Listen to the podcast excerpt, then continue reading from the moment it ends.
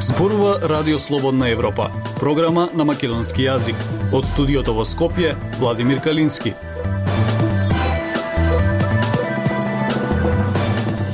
Последици ќе донесе украинската криза за земјите од Балканот? Македонија постапи според одлуките на земјите на Европската Унија и на НАТО и воведе санкции кон Русија, забрани руски летови, а владата им укаже и на кабелските оператори да ги исклучат руските канали.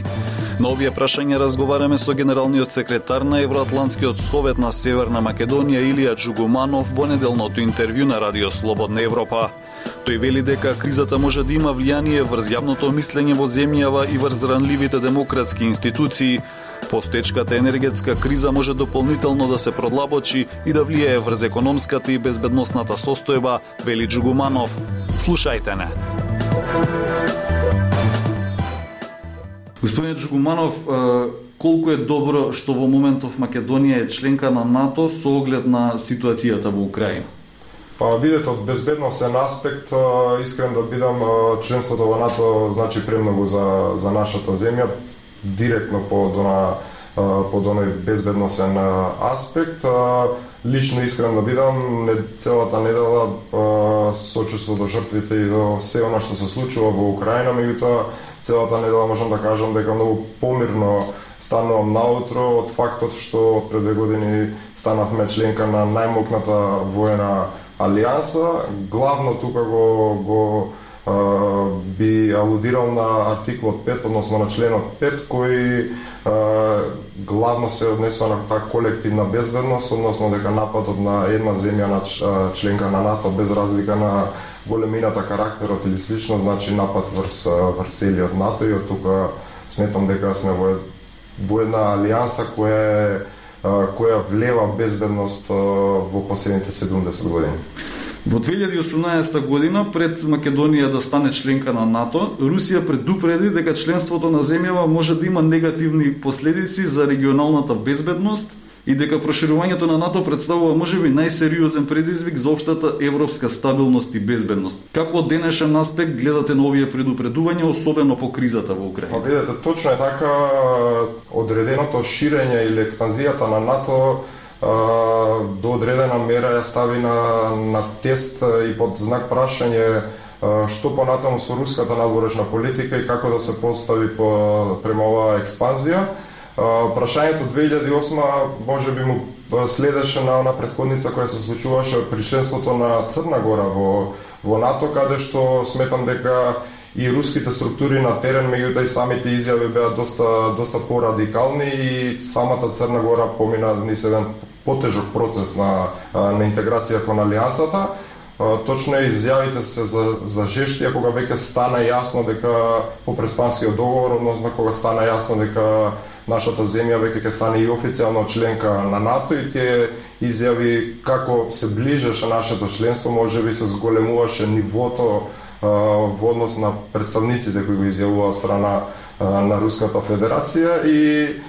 токму така имаше закани дека ќе следи реципроцитет, дека ќе следат одредени одредени санкции, меѓутоа би рекол политичките односи помеѓу нашата земја и Русија никогаш не биле на едно да речам високо ниво. Пред се тука би би ја спомнал економската соработка која треба да е главниот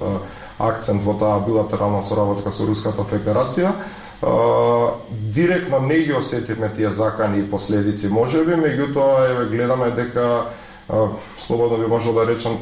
руските фрустрации на паѓањето или намалувањето на влијанието на Русија во, во светот доведе до до ова што се што се случува денес, односно стравот дека дека НАТО алијансата би дошла се поблиску до до границите на Русија, може би е една од главните причини што ни се случува денес. Сега повторно има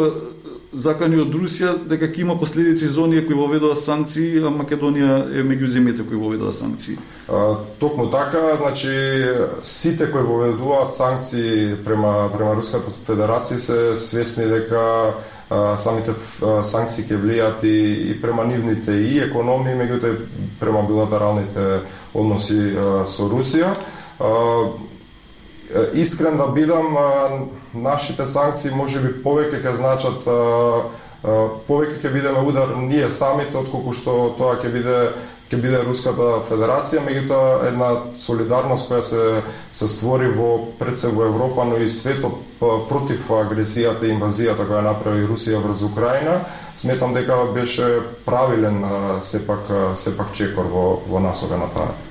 Македонија за украинската криза постапува според одлуките кои ги носат Европската унија и НАТО, воведе санкции кон Русија, забрани руски летови, им беше и укажано на кабелските оператори да ги исклучат руските канали. Како ги оценуваат овие одлуки? Па видете, одлуките беа природни, како што кажав,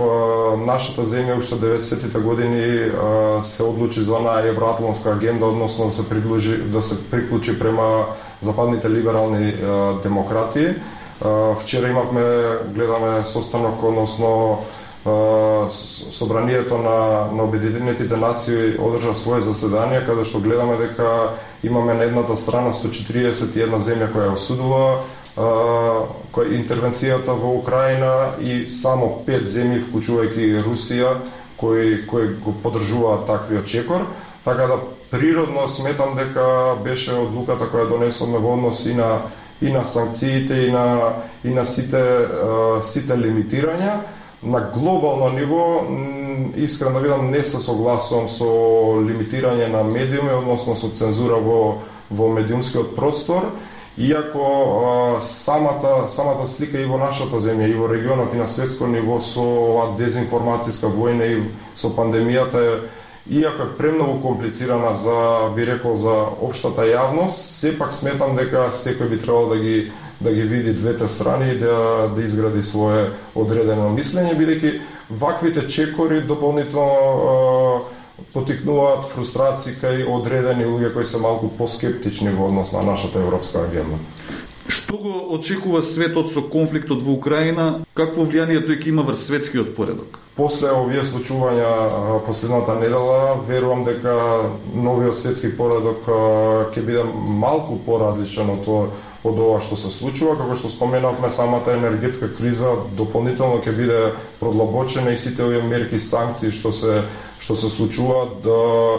дополнително ќе креираат одредени проблеми и кризи во, во западните земји, меѓутоа по друга страна сметам дека самата криза ќе наметне состојба каде што треба да се носат правилни и храбри одлуки. Европската унија, меѓутоа и земјите во Балканот се на многу, многу зависни енергетски од, од самата Русија, па и од можеби од таа причина, од таа светска зависност према Руската Федерација ни се случува на одреден начин ова денес, бидејќи имаме во Русија имаме лидер кој веќе по своите постапки не може да се да се предвиди. Главно сметам дека светскиот поредок ќе се води во насока на енергијата и однос на без, безбедноста, меѓутоа ќе се отвори едно поле се повеќе каде што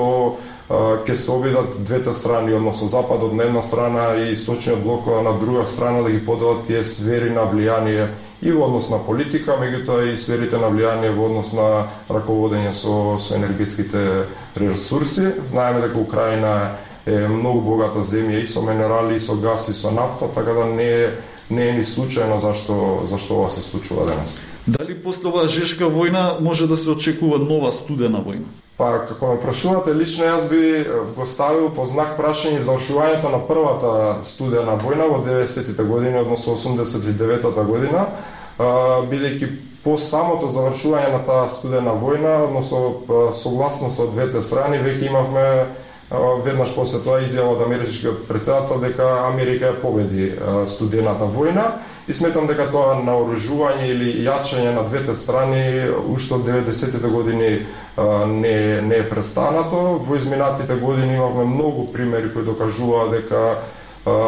би рекол билдањето на двете страни не застанува и продолжува. Тука исто би го напоменал и немањето договори во користење на нуклеарното оружје дополнително ни покажува дека светот е во една тензична ситуација по самата криза во зависност кога ќе заврши и каков ќе биде барем овој воен епилог, светот сметам дека ќе се најде во уште една по потензична студена војна каде што гледаме веќе дека источниот блок НАТО го распореди со зголемување со големени сили, зголемена армија, оклопни возила и слично, така да и во самата фаза на преговори не верувам дека дека ова ќе застане и дека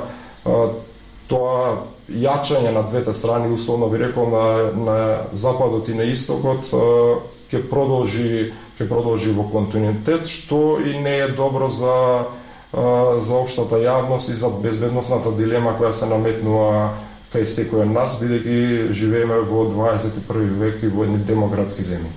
Се спомнуваат се почесто зборовите нуклеарно оружје и трета светска војна. Како гледате на ова? Искрено ме плашат сите изјави во однос на и самото спомнување на, на употребата на нуклеарното оружје, иако сметам дека кај и од двете страни кај лидерите има одреден разум кои би биле последиците од користење на, на таквото нуклеарно оружје. Предпоставам дека Западот и пред се тога спомнувам НАТО и, и Америка главно може би затоа даваат поддршка од страна, меѓутоа немаат и не би се вклучиле во никоја во никоја фаза од конфликтот директно во во Украина, главно од тој момент од употребата на нуклеарното оружје, бидејќи секое директно вмешување на Западот во Украина би можело веќе да значи Трета светска војна, со тоа мислам дека и употребата на, на нуклеарните оружје ќе биде и неизбежна. Шефот за надворешна политика на Европската унија Жозеф Борел изјави загриженост за како што рече постојаните напори на Русија за дестабилизација на Балканот. Со какви предизвици може да се соочат земјите од регионот, вклучително и Македонија? Па, видете, покрај оваа енергетска криза која споменав, која наметно и економски и безбедносен аспект, тука сметам дека еден од поголемите предизвици на каде што многу лесно може да се да се влијае се јавните ставови, јавните мислења односно тој простор каде што јавното мислење е многу поларизирано не само во во нашата земја, меѓутоа и во целиот регион и таа оваа информацијска војна која се случува со засилена од двете страни, мислам дека веќе креира еден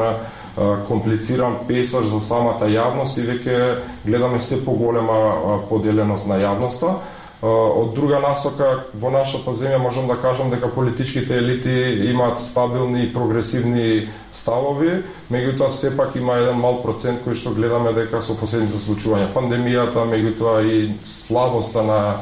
би рекол и несогласувањето на Европската унија дополнително кај нас ги зголеми тие можеби антилиберални ставови и прогресивни сили, меѓутоа и покрај неуспесите и наметнатите проблеми од страна на соседите, меѓутоа и неисполнитите ветувања од страна на, на Европската Унија, сметам дека политичките елити остануваат стабилни во таа, во таа насока. Следен предизвик каде што би можело многу да се влијае ранливите демократски институции во, во нашата земја, каде што нормално голема, големата партизираност на јавната администрација, непрофесионалност, меѓутоа и одредено влечење на на одредени навики на самата администрација од едно комунистичко минато, сметам дека е голема ранливост и голем предизвик во иднина каде што би можело да се да се влијае да се влијае од, од страна и од друга страна исто би го споменал и информацијскиот и медиумскиот простор кој а, кој за жал иако е поларизиран а, ние сепак не не добиваме одредени точни информации од двете страни меѓутоа имаме одредена и да се од информациите и да се различни од другата страна, тоа се сепак информации на една одредена агенда со одредени дали би рекол бизнис апетити, политички апетити, така да покрај јавноста, покрај институциите сметам дека тука е доста доста ранлив е и информацијскиот простор, односно медиумскиот простор во во земјата. Господине Джугуманов, ви благодарам за интервјуто. Ви благодарам многу. Почитувани слушатели, тоа е се што ви подготвивме во оваа емисија. Од студиото во Скопје ве поздравуваат Владимир Калински и Дејан Балаловски.